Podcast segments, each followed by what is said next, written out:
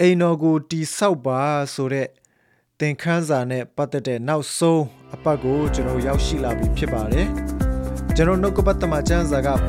ပြောတဲ့ဘုရားသခင်ကအိမ်တော်ကိုတီဆောက်ပါငါအိမ်ကိုတီဆောက်ပါလို့ပြောတဲ့เนาะအာနှုတ်ကပတ်တမချန်းစာရဲ့ဆိုလိုရင်းကို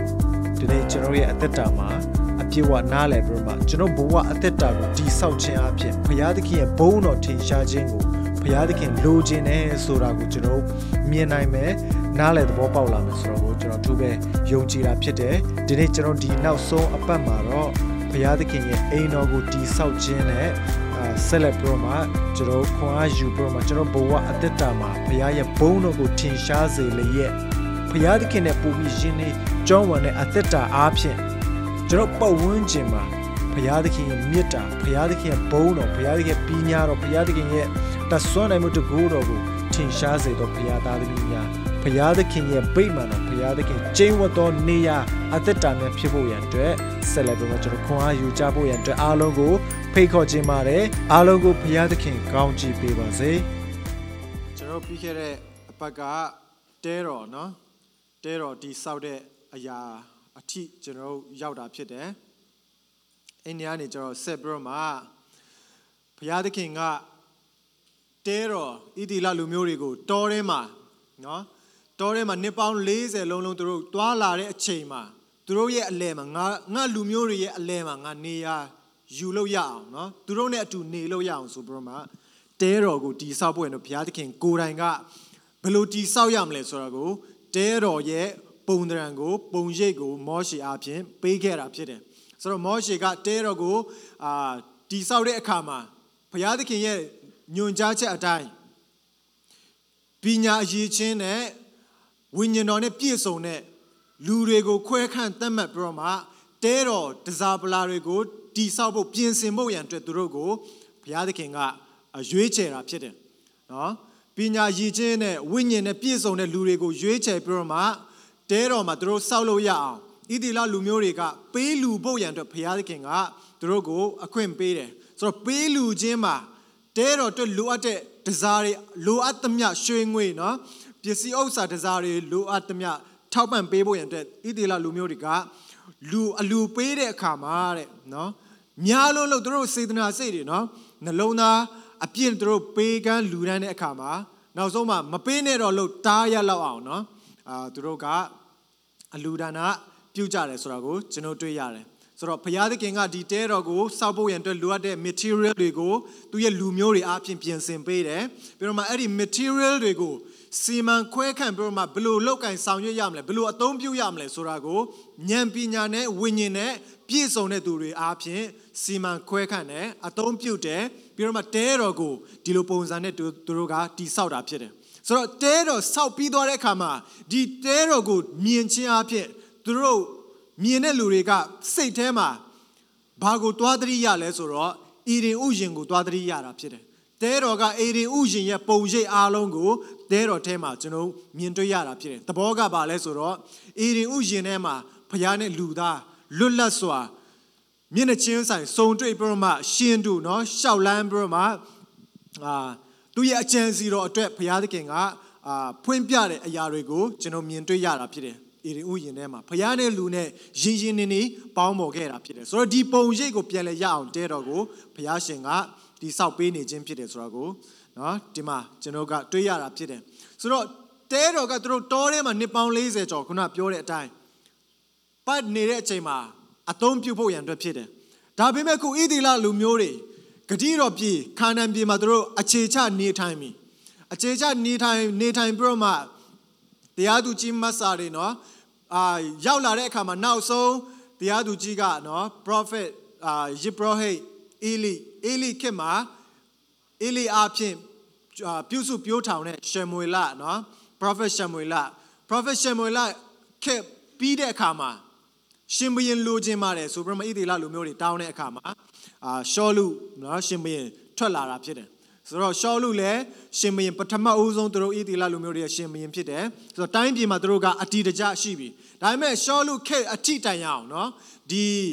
အာဗာလဲတရားသူကြီးတွေခက်ကနေစပြီးမှရှောလူရှင်ဘရင်ပထမရှင်ဘရင်အထိတိုင်ရအောင်ဣသီလလူမျိုးတွေမှာတိုင်းပြည်ငြိမ်းချမ်းတယ်ဆိုတာမရှိဘူးအမြဲတမ်းရန်သူရဲ့နောက်ဆက်ခြင်းအမြဲတမ်းသူတို့ဘေးနားမှာနော်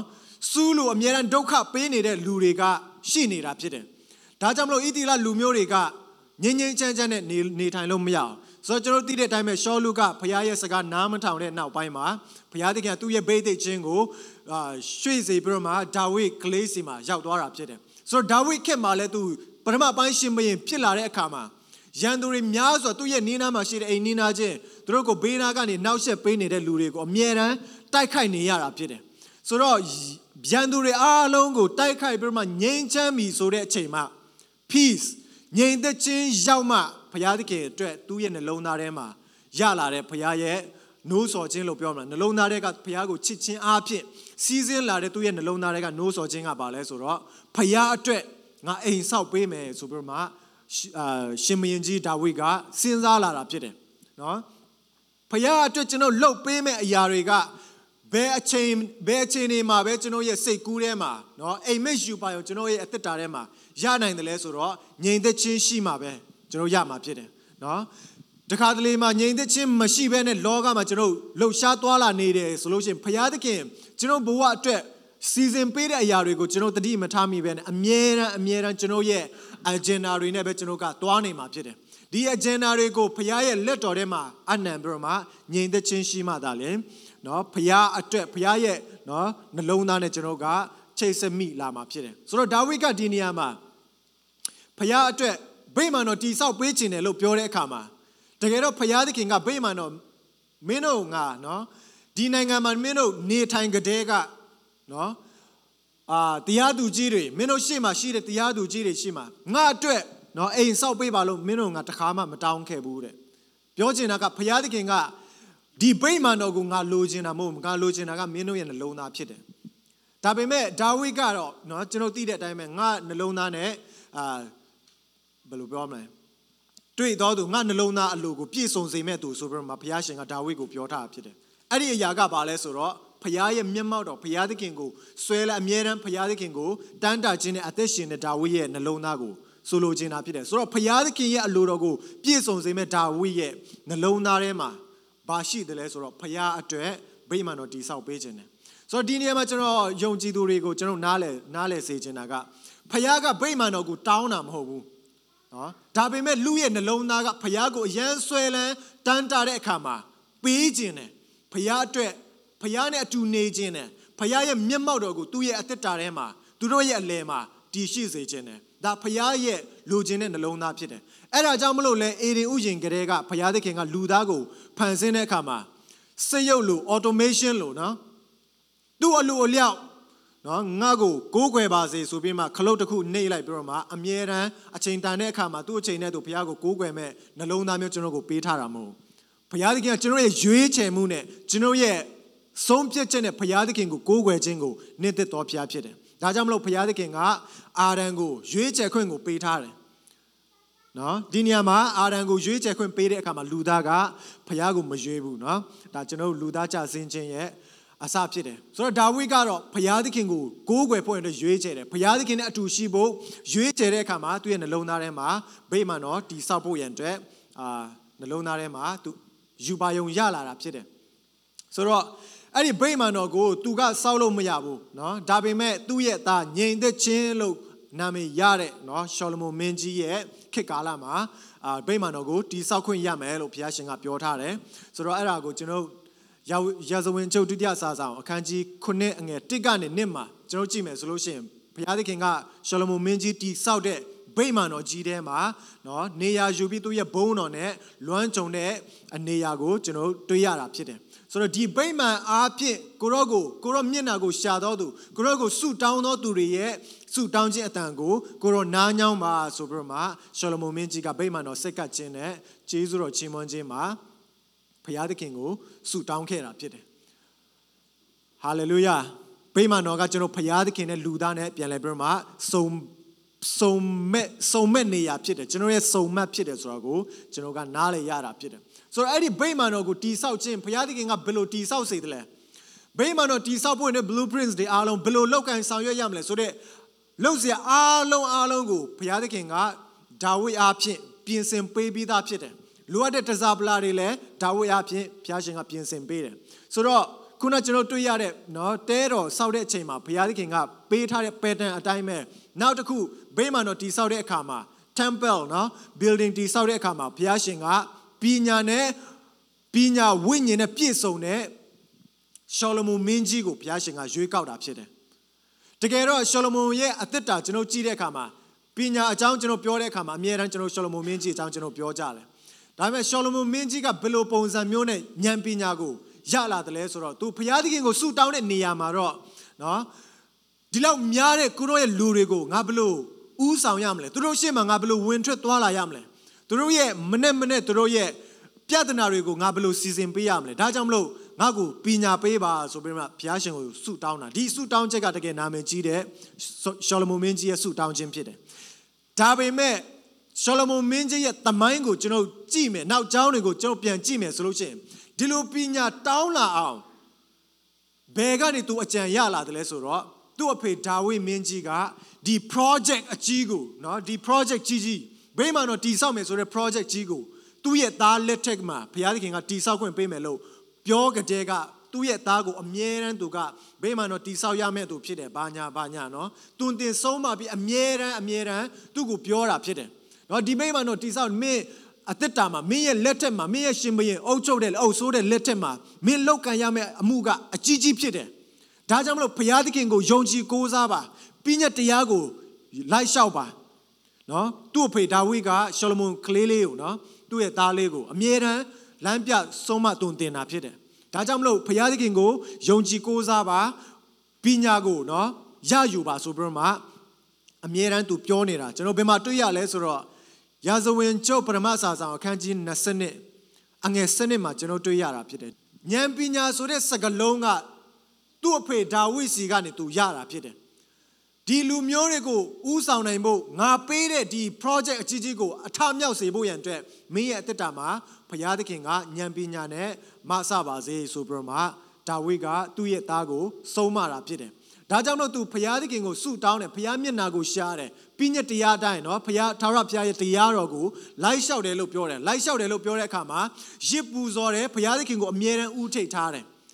ဒါကြောင့်မလို့ तू ဘုရားသခင်ကိုဥထိတ်ထားပြီးမှ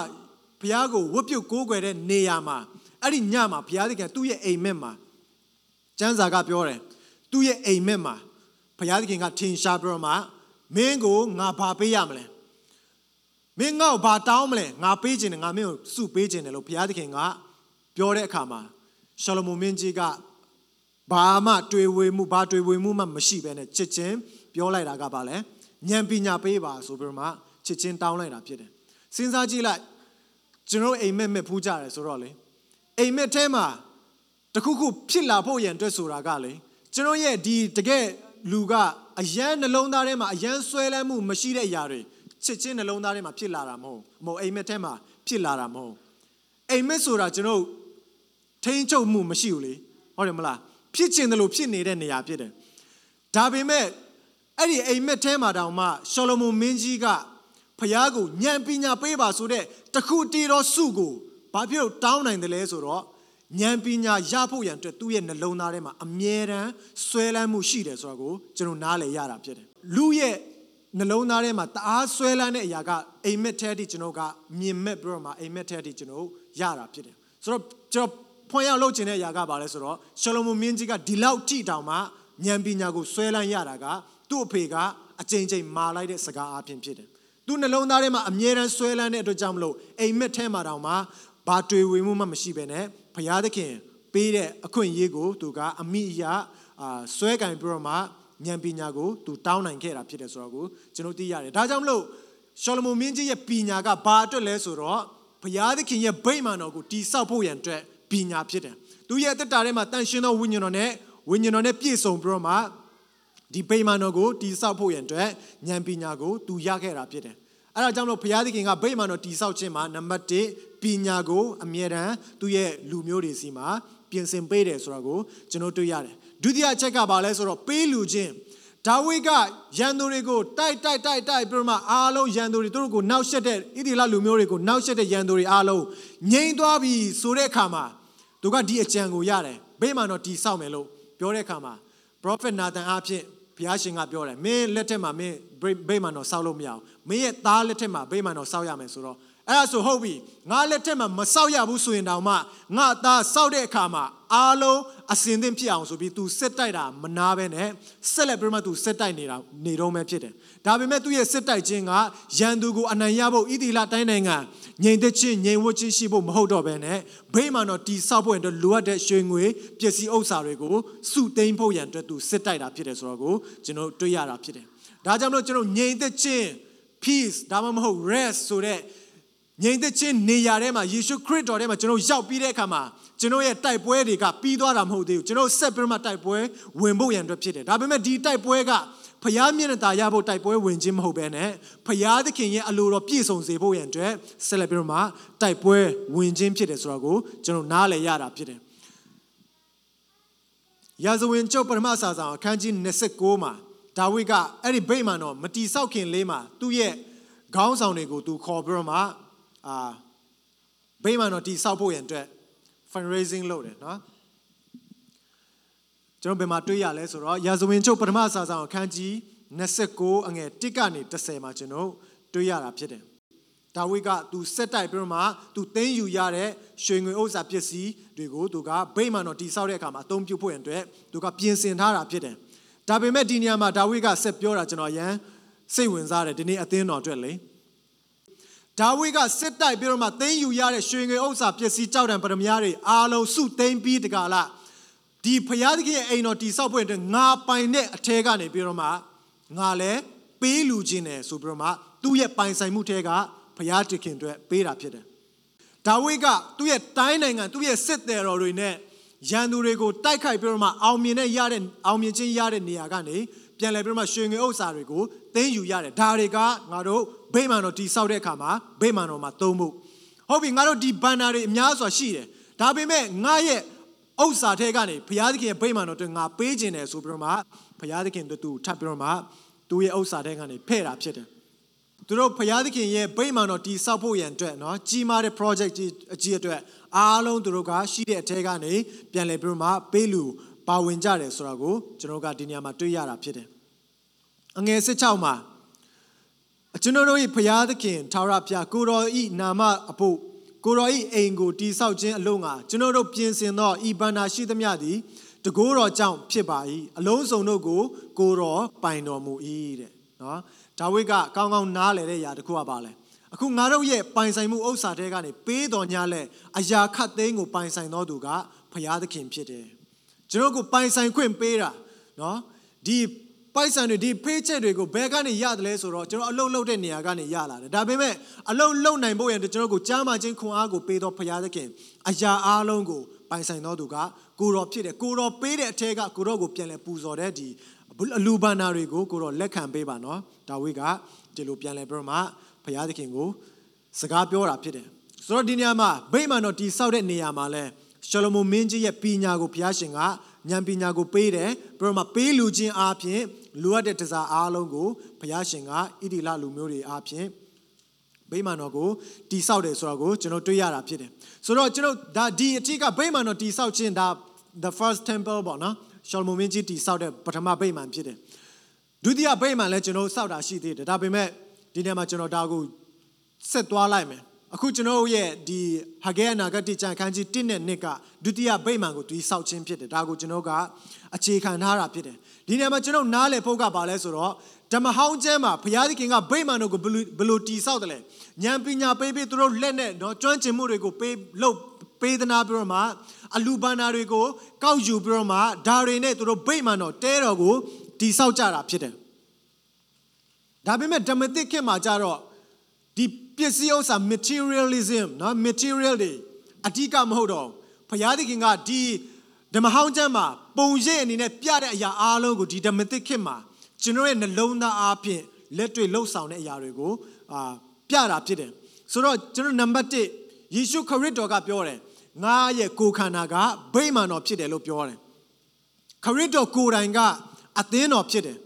အာမင်အဲ့ဒီအသင်းတော်ကိုတည်ဆောက်တဲ့နေရာမှာ ကျွန်တော်ပြီးခဲ့တဲ့အပတ်တွေမှာကျွန်တော်ဖတ်သွားတဲ့ကျမ်းပိုက်တွေပြန်ပြောမယ်ဆိုလို့ရှိရင်ယောဟန်အခန်းကြီး1ငယ်51မှာကောင်းကင်နဲ့မြေကြီးဆက်တွယ်ပြီးတော့မှလေကားနဲ့ဆက်နွယ်ပြီးတော့မှကောင်းကင်တမန်တွေဆင်းလက်တဲ့ရှိတာကိုမင်းတို့မြင်ရမယ်တဲ့အဲ့ဒါကယေရှုခရစ်တော်ကျွန်တော်ရဲ့ဖခင်နဲ့လူသားကြားထဲမှာဂျားခံအနေနဲ့ဆက်သွယ်ပေးတဲ့ခရစ်တော်ရဲ့အသက်တာကိုပြညွန်တာဖြစ်တယ်ဆိုတော့ခရစ်တော်ကဘယ်သူလဲဆိုတော့ကောရိန္သုပထမစာဆောင်အခန်းကြီး1အငယ်30မှာရှင်ပေါလုကဘယ်လိုပြောထားလဲဆိုတော့ ထိုသခင်ဒီငါတို့အဖို့ပညာငါတို့ရဲ့အရင်ဆုံးခရစ်တော်ကလူသားယုံကြည်သူတွေအတွက်ဒီလူသားတွေအတွက်ဘယ်လိုဖြစ်နေသူကစင်းသက်လာတယ်လဲထင်ရှားလာတယ်လဲဆိုတော့ကျွန်တော်ရဲ့နံပါတ်1ပညာဖြစ်တယ်ပြီးမှဖြောင့်မတ်ခြင်းတန့်ရှင်းခြင်းနဲ့လွတ်မြောက်ခြင်းအာမင်နံပါတ်1ကကျွန်တော်ခရစ်တော်ကကျွန်တော်ရဲ့အသက်တာထဲမှာပညာအဖြစ်နဲ့သူကထင်ရှားတာဖြစ်တယ်ဒါကြောင့်မလို့ကျွန်တော်ရဲ့ပညာလို့ပြောတဲ့အခါမှာယေရှုခရစ်တော်ဖြစ်တယ်ယေရှုခရစ်တော်ရဲ့အသေးခံခြင်းလက်ဝါးကားတိုင်းတော်တရားဖြစ်တယ် အာမင်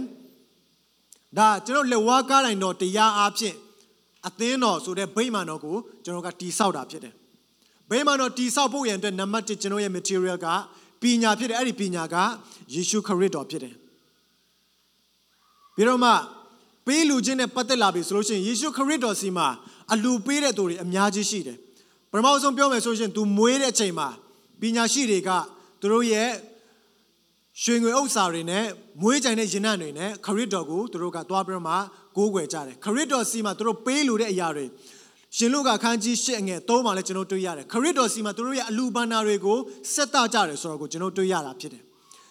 နော်အရင်ပြီးခဲ့တဲ့ပတ်မှာကျွန်တော်အနေငယ်ပြောသွားတယ်လို့ပဲဒီအထူးသဖြင့်ဆယ်ဘုတ်တဖို့နဲ့ပတ်သက်လာပြီဆိုလို့ရှိရင်ဆယ်ဘုတ်တဖို့က ministry ကိုကျွန်တော်ကဓာတ်ရိုက်အာ ဒီဆယ်ဘုတ်တဖို့ထဲမှာ ministry ကိုဓာတ်ရိုက်ပေးတာမဟုတ်ဘဲနဲ့အသင်းတော်ကိုပေးတယ်အသင်းတော်ကပြန်လဲပြီးမှ ministry ကို support လုပ်ရတာဖြစ်တယ်ဒါကကျွန်တော် ministry တိုင်းမှာရှိတဲ့ခေါင်းဆောင်တွေကလည်းသဘောတူတဲ့အရာနှုတ်ကပတ်တော်ကလည်းဒီတိုင်းပဲပြောတာဖြစ်တယ်ဆိုယေရှုခရစ်တော်စီမှာသူတို့ကခရစ်တော်ရဲ့ ministry ကို support တဲ့အနေနဲ့အလူငွေပေးတယ်လို့ပြောတဲ့အခါမှာဒီနေရာမှာဒီပုံရိပ်ကိုကျွန်တော်က ဖမ်းတဲ့အခါမှာကျွန်တော်ရဲ့ interpretation အနစ်ပြန်ခြင်းမမားဖို့ရန်အတွက်အရေးကြီးတဲ့အချက်ကပါလဲဆိုတော့ခရစ်တော်စီမှာယူဆောင်လာသမျှဟာအသင်းတော်ကိုယူဆောင်လာတာဖြစ်တယ်အာမင်ကျန်တဲ့ကိုးဖို့ထဲကနေကျွန်တော် ministry ကိုအာအလူပေးလို့ရတယ်သူတို့ရဲ့ fundraising တို့ကျွန်တော်ပါဝင်လို့ရတယ်ဒါပေမဲ့ဆယ်ဖို့တစ်ဖို့ကိုတော့တဖို့ကိုတော့လုံးဝကျွန်တော်ဘုရားသခင်ရဲ့အိမ်တော်ထဲမှာယူဆောင်လာဖို့ခရစ်တော်ရဲ့ကိုယ်ခန္ဓာတော်အပြင်เนาะဖွဲ့စည်းထားတဲ့အသင်းတော်ထဲမှာကျွန်တော်ယူဆောင်လာဖို့ရန်အတွက်ဖြစ်တယ် ဆိုတော့ယေရှုခရစ်တော်အပြင်အသင်းတော်တည်ဆောက်ခြင်းဖြစ်တယ်ခရစ်တော်ကအသင်းတော်ဘယ်မှာတည်ဆောက်တယ်လဲဆိုတော့ဗိမာန်တော်ကိုဘယ်မှာတည်ဆောက်တယ်လဲဆိုတော့လူတွေရဲ့နှလုံးသားထဲမှာသူရဲ့ဗိမာန်တော်ကိုတည်ဆောက်တာဖြစ်တယ်မိတ်ဆွေနဲ့ကျွန်တော်ရဲ့နှလုံးသားထဲမှာဘုရားရှင်ကဗိမာန်တော်ကိုတည်ဆောက်ပေးတာဖြစ်တယ်ဟုတ်ပြီခရစ်တော်ရဲ့အချိန်ကာလပြီးသွားတဲ့အခါမှာတပည့်တော်တွေအားဖြင့်အသင်းတော်ဆိုတဲ့ဒီတမိုင်းကြီးပေါ့နော်မြေကြီးပေါ်မှာအဲ့ဒီတမိုင်းကြီးကိုအစပြုတ်လာတာကိုကျွန်တော်တွေ့ရတယ် ရည်ရွယ်ချက်နဲ့အကြံစီတော်ကတော့ကျွန်တော်ကပောက်ချမ်းကလေးကကျွန်တော်ရှိပြီးသားဖြစ်တဲ့အသင်းတော်ရဲ့လမ်းစဉ်ဖြစ်လာမယ့်အရာကိုဘုရားသခင်ကငကိုကလေးကစီစဉ်ပြီးသားဖြစ်တယ်ဒါပေမဲ့တပည့်တော်တွေယေရှုခရစ်တော်ကောင်းကင်ဘုံပြန်တက်ကြွပြီးတဲ့နောက်ပိုင်းမှာတပည့်တော်တွေအားဖြင့်ကျွန်တော်ဘယ်မှာတွေ့ရတယ်လဲဆိုတော့အေဖက်ကျွန်တော်အေဖက်ခန်းကြီးတော့ငယ်30နဲ့17ကိုကျွန်တော်အရင်ဆုံးဖတ်ကြရအောင်နော်အဲ့မှာအသင်းတော်ရဲ့ရည်ရွယ်ချက်ကိုကျွန်တော်တွေ့ရတယ် အဘဲကြောင့်နေဟူမူကားရှင်ပေါလုကပြောတယ်ငါတို့သခင်ယေရှုခရစ်ကိုအကြောင်းပြု၍ထာဝရအကြံတော်ရှိသည်နဲ့အညီကောင်းကင်အရက်တို့၌အထွတ်အမြတ်အာနာစစ်တို့သည်ဘုရားသခင်၏ထူးဆန်းသောပညာတော်ကိုအသင်းတော်အပြင်ယခုသိရကြမည်အကြောင်းတည်းတဲ့ဘုရားသခင်ရဲ့ထူးဆန်းသောပညာဘုရားသခင်ရဲ့အကြံစီတော်ကိုအသင်းတော်အားဖြင့်မြေကြီးပေါ်မှာထင်ရှားစေဖို့ရန်အတွက်ဘုရားသခင်ကအသင်းတော်ကိုကဘာဦးကလေးကစီစဉ်ထားတာဖြစ်တယ် ဆိုတော့အသင်းတော်ကဘုရားသခင်ရဲ့ဘုန်းတော်ထင်ရှားသောနေရာဘုရားသခင်ရဲ့အကြံစီတော်နော် initiate execute နော်အစပြုလောက်ကင်ဆောင်ရွက်တဲ့နေရာဖြစ်ရမယ်အသင်းတော်ကနေပြီးတော့မှကျွန်တော်အစပြုရမှာဖြစ်တယ်ဆိုတော့အဲ့ဒီအသင်းတော်ကိုတိဆောက်တဲ့နေရာမှာခရစ်တော်ကသူ့ရဲ့ပညာတော်ဆိုတဲ့သူ့ရဲ့အသေးခံခြင်းအပြင်ယုံကြည်သူတွေကိုနော်တိဆောက်ပေးတဲ့ကဲ့သို့ဒီဓမ္မသစ်ခေတ်ကာလမှာအသင်းတော်ကိုတပည့်တော်တွေကဘယ်လိုတိဆောက်တယ်လဲဆိုတော့ ပညာနဲ့ဝိညာဉ်နဲ့ပြည့်စုံတဲ့လူတွေကိုရွေးကောက်ပြီးတော့မှအသင်းတော်ထဲမှာနော်ခေါင်းဆောင်နေရာမှာအသင်းတော်ကိုတိဆောက်ဖို့ရတဲ့သူတို့ကအသုံးပြုလာတာကိုကျွန်တော်တွေ့ရတာဖြစ်တယ်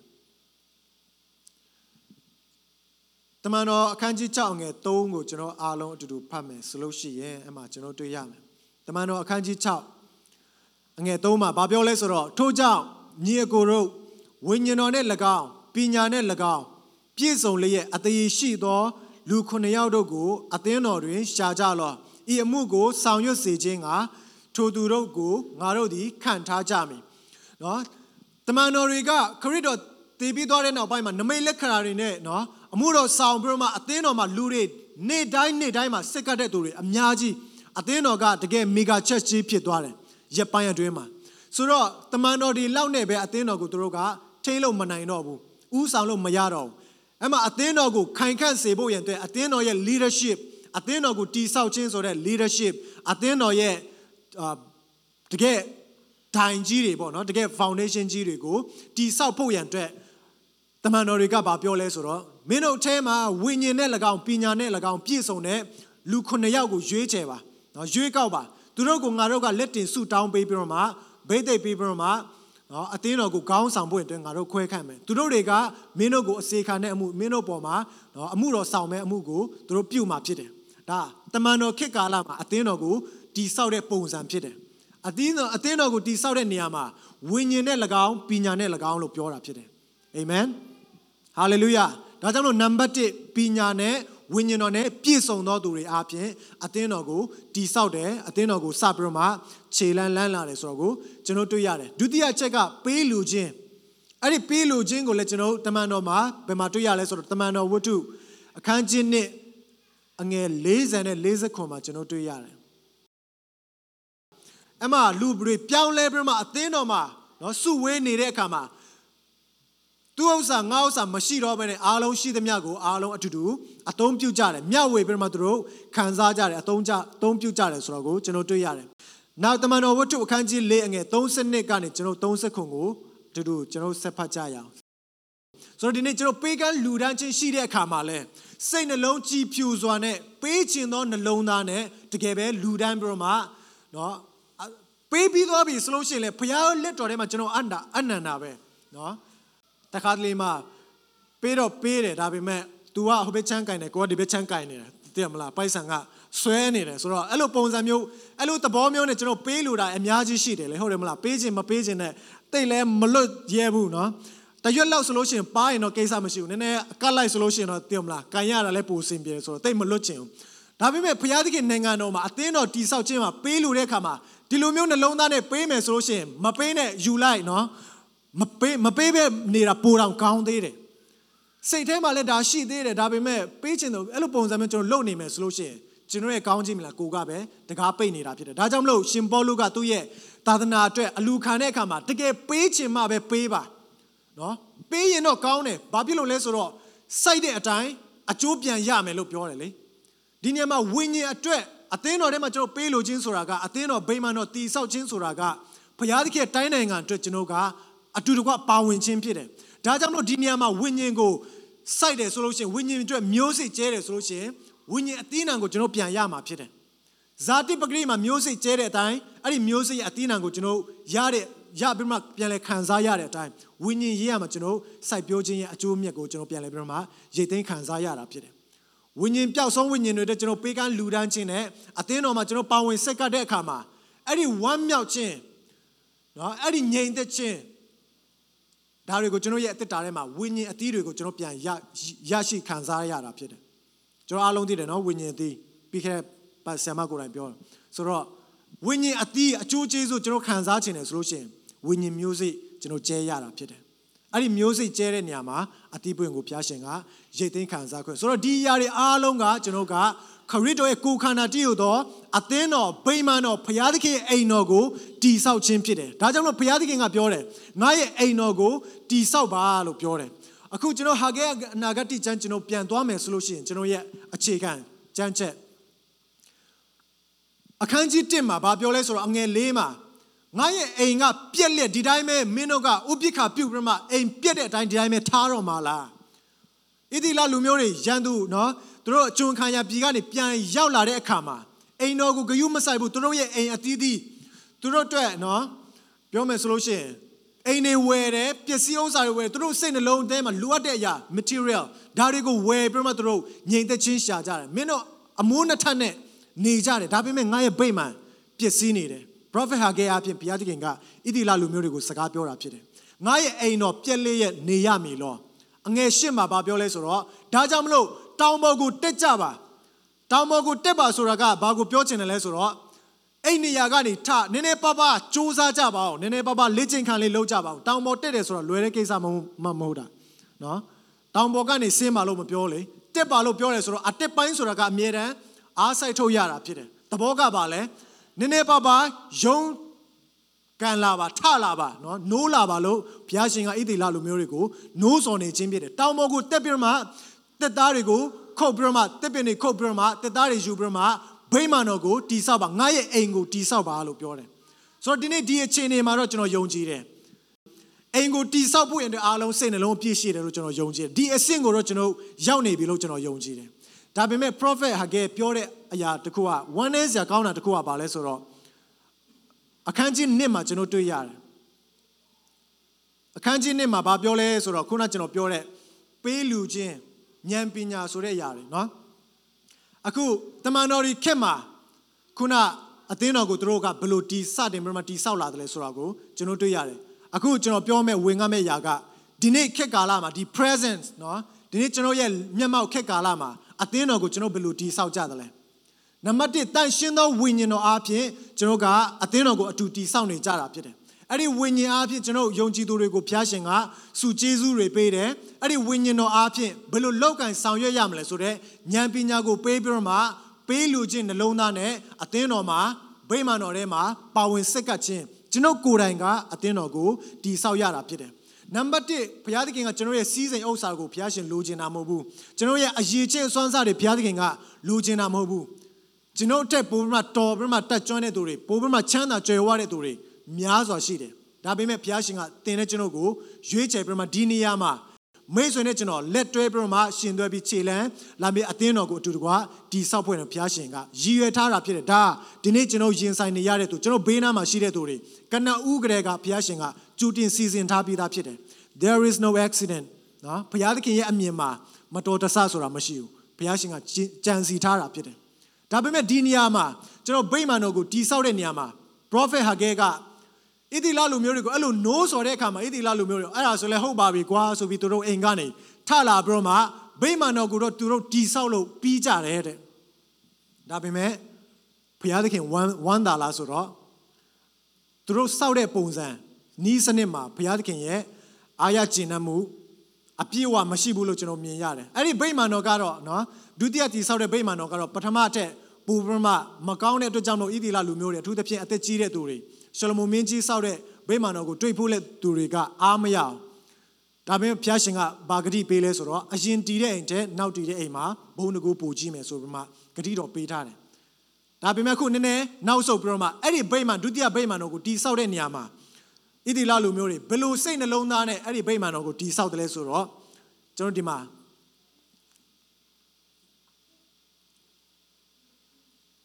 ဟဂဲနာဂတိကျမ်းခန်းကြီးနှစ်အငယ်စနစ်ကနေကျွန်တော်ဖတ်တဲ့အခါမှာတွေ့ရမယ်လူသည်တဲ့ prophet ဟဂဲကဥပမာပေးတယ်လူသည်တဲ့တန်ရှင်းသောအမဲသားကိုမိမိအဝတ်နဲ့ထုတ်၍ဆောင်းခဲ့လျက်မုတ်ဟင်းစပြည့်ရည်စီအစရှိသောစားစရာတစုံတစ်ခုကိုထိုအဝတ်နဲ့ထိလျင်ထိုစားစရာသည်တန်ရှင်းလိမ့်တန်ရှင်းလိမ့်မည်လို့ဟုမေးမြန်းသော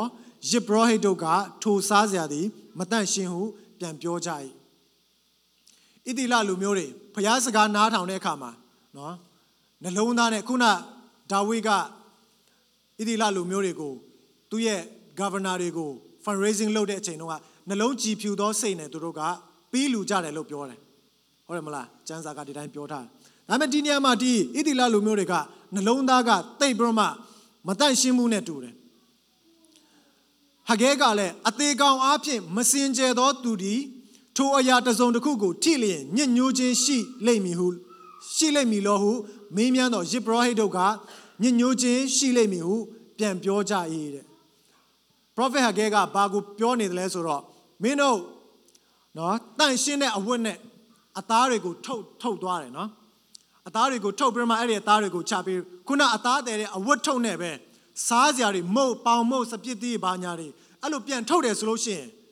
အဲ့ဒီမုတ်တွေစားစရာတွေကတန်ရှင်းအောင်မလားလို့မေးတာဖြစ်တယ်ဒါပြည့်ညက်ချက်အရာနဲ့နော်သူတို့ပြောတဲ့အခါမှာရှစ်ဘရဟိတ်တွေကမတန့်ရှင်းဘူးလို့ပြောတယ်လက်ကညက်ပတ်နေပြီးတော့မှနော်ဒီလက်ညက်ပတ်ကြီးနဲ့တခုခုကိုထိကင်တယ်ဆိုလို့ရှိရင်ကျွန်တော်ထိကင်တဲ့ຢာကပေသွားမှာပဲဟုတ်တယ်မလားဒီသဘောကိုပြောချင်တာဖြစ်တယ် prophet ဟာကဲကဒီမှာပုံဥပမာနဲ့သူပြောနေတာဖြစ်တယ်အဲ့ဒါကြောင့်မလို့တဲ့အဲ့လိုညက်ပတ်တကယ်တော့တဲ့ ဟကဲကလည်းဤလူမျိုးဤပြည်သားတို့သည်ငါမျက်မှောက်၌ထို့အတူဖြစ်ကြ၏သူတို့လှုပ်ဆောင်သမျှသည်လည်းထို့အတူဖြစ်ကြ၏ငါထံမှပူဇော်သောအရာသည်လည်းညစ်ညူး၏ဟုထာဝရဘုရားမိန်တော်မူ၏ထာဝရဘုရား၏ဗိမာန်၌ကြောက်တစ်ခုပေါ်မှာတစ်ခုကို မတင်မီယနေ့မှစ၍အထက်အမှုကို ပြန်ကြည့်စင်ကျင်ကြပါလောတဲ့ဒီနေ့ကျွန်တော်ယုံကြည်သူတွေဘုရားရှင်ကခုနကျွန်တော်ပြောသလိုအားလုံး ကျွန်တော်ကိုစုံခွင့်ကိုပေးတယ်တချို့တွေကျွန်တော်အရေးချင်းတယောက်နဲ့တယောက်ကျွန်တော်မတူကြဘူးကျွန်တော်အလုတ်လုံနိုင်တဲ့အတိုင်းတာလဲတယောက်နဲ့တယောက်ကျွန်တော်မတူကြဘူးဒါပေမဲ့ဖခင်ရဲ့ဗိမာန်တော်အသင်းတော်မှာကျွန်တော်လာရောက်ပြီးတော့မှအသင်းတော်ကိုခရစ်တော်ရဲ့ကိုယ်တော်ကိုအတူတီဆောက်တဲ့နေရာမှာကျွန်တော်ဘယ်လိုနှလုံးသားဘယ်လိုလက်တွေနဲ့ဒီနေရာမှာကျွန်တော်လာရောက်ပြီးတော့မှအသင်းတော်ကိုကျွန်တော်တီဆောက်ကြတယ်လေဒါကကျွန်တော်စင်ကျင်စရာဖို့ဖြစ်တယ်နော် condemnation မဟုတ်ပါဘူးနော် စင်ကျင်စရာဖို့တခါတလေမသိဘဲနဲ့ကျွန်တော်လှုပ်လိုက်တဲ့အရာတွေကညစ်ညိုးခြင်းကိုဖြစ်စေတာဖြစ်တယ်အဲ့လိုပုံစံမျိုးမဖြစ်အောင်ဒီနေ့ကျွန်တော်စင်ကျင်လို့ရအောင် prophet ကပြောတယ်မင်းတို့ပေတဲ့လက်ကြီးနဲ့အပြစ်လုပ်တဲ့လက်ကြီးနဲ့ဘုရားရဲ့ဗိမာန်တော်ကိုတီဆောက်တဲ့အခါမှာမင်းတို့ထိသမျှအားလုံးလည်းအပြစ်ဖြစ်သွားတယ်မတန့်ရှင်းမှုဘုရားရဲ့အမြင်မှာဒါကြောင့်မလို့ဗိမာန်တော်မတီဆောက်ခင်မှာနှလုံးသားကိုအရင်ဖြူစင်အောင်လုပ်ပါမင်းတို့နှလုံးသားကိုစစ်ဆေးပါလို့ပြောတယ် ဟာလေလုယာဟာလေလုယာကျွန်တော်ပါဝင်ခြင်းလှုပ်ဆောင်ခြင်းပေးလူခြင်းတခုခုခြေမလန်းခင်မှာနှလုံးသားကိုစစ်ဆေးမယ်ခုနကျွန်တော်ပြောသလိုတစ်ဖက်မှာအသင်းတော်ကိုပေးတယ်တစ်ဖက်မှာကိုကကင်ကြိုးကင်နေတယ်ဆိုလို့ရှိရင်ဒါပေးတာမဟုတ်ဘူးနှလုံးသားဖြူကြည်ဖြူသောနှလုံးသားနဲ့ပေးတာမဟုတ်ဘူးတစ်ဖက်မှာအသင်းတော်တော်တော်ကျွန်တော်ပါဝင်တယ်လောက်ကင်ဆောင်ရွက်ပေးတယ်ဒါပေမဲ့နှလုံးသားကနော်အာအပြစ်တွေပဲကျွန်တော်မြင်နေမယ်ဆိုလို့ရှိရင် ဒါကဖြူစင်းတဲ့နှလုံးသားကြီးဖြူတဲ့နှလုံးသားနဲ့ပါဝင်ခြင်းမဟုတ်ဘူးဒီလိုပုံစံမျိုးနဲ့ဗိမာန်တော်တိဆောက်လဲကျွန်တော်ထိသမျှအားလုံးကျွန်တော်တိဆောက်သမျှအားလုံးလဲအပြစ်ဖြစ်မှာဖြစ်တယ်အဲ့လိုပုံစံမျိုးမဖြစ်အောင်မင်းတို့လှုပ်သမျှအားလုံးအကျိုးဖြစ်ထွန်းအောင်အာမင်အသီးအပွင့်တွေကျွန်တော်ပြန်လဲရရှိခံစားရအောင်နှလုံးသားကအင်မတန်မှအရေးကြီးတယ်ဒါကြောင့်မလို့ဘုရားသခင်ကခေတ်ကာလစစ်စစ်မှာ तू ကြည်နေတာကဘာလဲဆိုတော့လူတွေရဲ့နှလုံးသားပဲဖြစ်တယ်ကျွန်တော်နှလုံးသားထဲမှာရှိပြီးတော့မှကျွန်တော်လက်နဲ့ ခြေထောက်နဲ့လောက်ကင်ဆောင်ရွက်သမျှကိုဘုရားရှင်ကတန်ရှင်းသောအမှုအဖြစ်လက်ခံတာဖြစ်တယ်ဒီနေ့ဘုရားသခင်ရဲ့ဝိညာဉ်တော်နဲ့ကျွန်တော်ပြည့်ကြတယ်ကျေးဇူးတော်အဖြစ်ခရစ်တော်ကိုယုံကြည်လက်ခံတဲ့အခါမှာအဲ့ဒီတန်ရှင်းသောဝိညာဉ်တော်ကကျွန်တော်ရဲ့အသက်တာထဲမှာဆယံအဖြစ်နဲ့ကျွန်တော်အသက်တာထဲမှာနေရာယူလာတယ်ဒီနဲ့တန်ရှင်းသောဝိညာဉ်တော်အဖြစ်စုကျေးဇူးအထွေထွေပြပြကျွန်တော်ကရရှိခံစားကြတယ်ဝိညာဉ်တော်တပါးတဲ့ကနေပြီးတော့မှမတူညီတဲ့စုကျေးဇူးတွေကျွန်တော်အားလုံးအတီးတီးရကြတယ် အဲ့ဒီစုကျေးဇူးတွေအားလုံးကျွန်တော်ပူးပေါင်းပြီးတော့မှအသင်းတော်ကိုကျွန်တော်တိဆောက်နေကြတာဖြစ်တယ်အာမင်ဘုရားသခင်ကကျွန်တော်ကိုရတတ်သောဉာဏ်ပညာရှာဖွေစုဆောင်းတတ်သောဉာဏ်ပညာကိုကျွန်တော်ကိုပေးတယ်ဝိညာဉ်တော်အပြင်ဒီအကြံဉာဏ်တွေကျွန်တော်ရတာဖြစ်တယ်ဟိုက information ဒီက information ဒါတွေလည်းဝိညာဉ်တော်ဖွင့်ပြပေးလို့ကျွန်တော်ဘယ်မှာရှာရမလဲဘယ်ကနေ facts တွေယူရမလဲကျွန်တော်သိရသိလာရတာလေတန်တန်ရှင်းသောဝိညာဉ်တော်ကကျွန်တော်ကိုဉာဏ်ပညာပေးနေတာဖြစ်တယ်ဘာအတွက်လဲအသင်းတော်ဗိမာန်တော်ကိုတည်ဆောက်ဖို့ရန်အတွက်ဖြစ်တယ်ရတတ်ခြင်းနေဗိမာန်တော်ကိုတည်ဆောက်ဖို့ရန်အတွက်ဖြစ်တယ်အရေးချင်းစွမ်းစားတွေက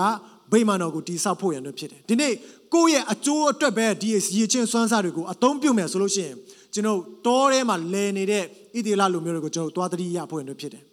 သူတို့ရွှေငွေစည်းစိမ်ဥစ္စာတွေများစွာရှိတယ်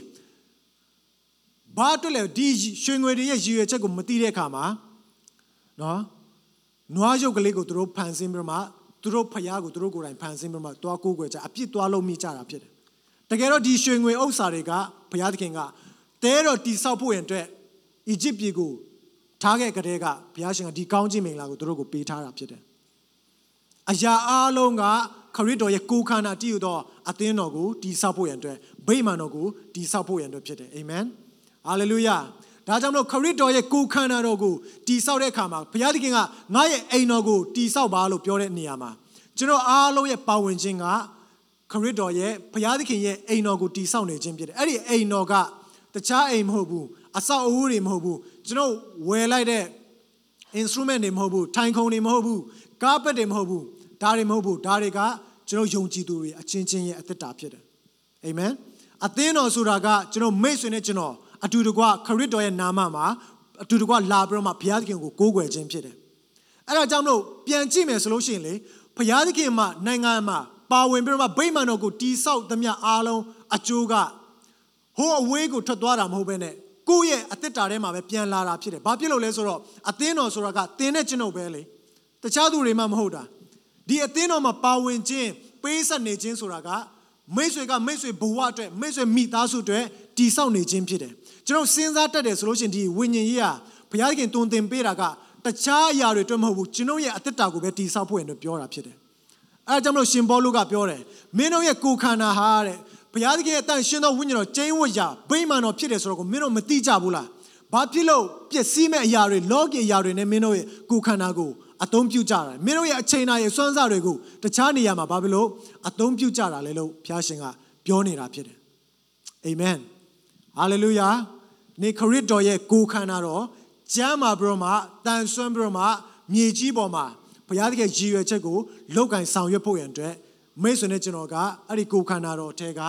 cell လေးတွေဖြစ်တယ်အင်္ဂါတွေဖြစ်တယ်ကျွန်တော်ကအစိတ်အပိုင်းတွေဖြစ်တယ်ကျွန်တော်ရဲ့စုကျေးဇူးတွေပူပေါင်းပြီးလောက်ကင်ဆောင်ရွက်တဲ့အခါမှာခရစ်တော်ရဲ့ကိုယ်ခန္ဓာတော်က fully အပြည့်အဝ functioning เนาะအပြည့်အဝလှုပ်ရှားလာတာဖြစ်တယ်ရှင်ပေါလုကစုကျေးဇူးအကြောင်းကိုပြောတဲ့အခါမှာဗာဆက်ပြောသေးလဲဆိုတော့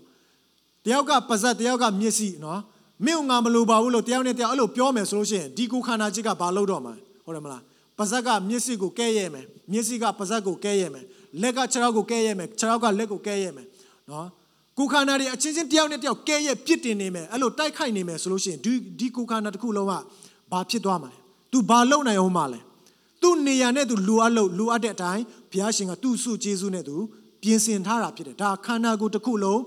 အပြည့်ဝလှုပ်ရှားနိုင်အောင်ဘုရားရှင်ကပြင်ဆင်ပေးနေခြင်းဖြစ်တယ်ဒါကြောင့်မလို့ဒီနေ့ကျွန်တော်အချင်းချင်းတယောက်နဲ့တယောက်ကဲရဲ့နေဖို့ရန်အတွက်မဟုတ်ဘူးအတူတကွပူပေါင်းပြီးတော့မှမတူညီတဲ့အရာတွေကိုပူပေါင်းပြီးတော့မှဘုရားသခင်ရဲ့ဘုန်းတော်ထင်ရှားစေဖို့ရန်အတွက်အာမင်အဲ့ဒါကြောင့်မလို့အသင်းတော်ဆိုတာတကယ် university ပေါ့နော် diversity အားလုံးကို universe unity တစ်ခုထဲမှာမတူညီတဲ့အရာအားလုံးကိုတူညီတဲ့အရာတစ်ခုထဲမှာစုပေါင်းခြင်းက ဒါဘုရားသခင်ရဲ့ကိုယ်ခန္ဓာတော်ဖြစ်တယ်အသင်းတော်ဖြစ်တယ်ဟာလေလုယာအဲ့ဒါကိုကျွန်တော်ဒီနေ့ယုံကြည်သူတွေကလက်တွေ့အကောင့်တွေပေါ်ပြီးမှမြေကြီးပေါ်မှာအသင်းတော်ကိုဆက်လက်ပြီးမှတည်ဆောက်တော့ယုံကြည်သူများဖြစ်ပွင့်လည်းရောက်စေတမ်းဖျားရှင်ကောင်းချီးပေးပါစေ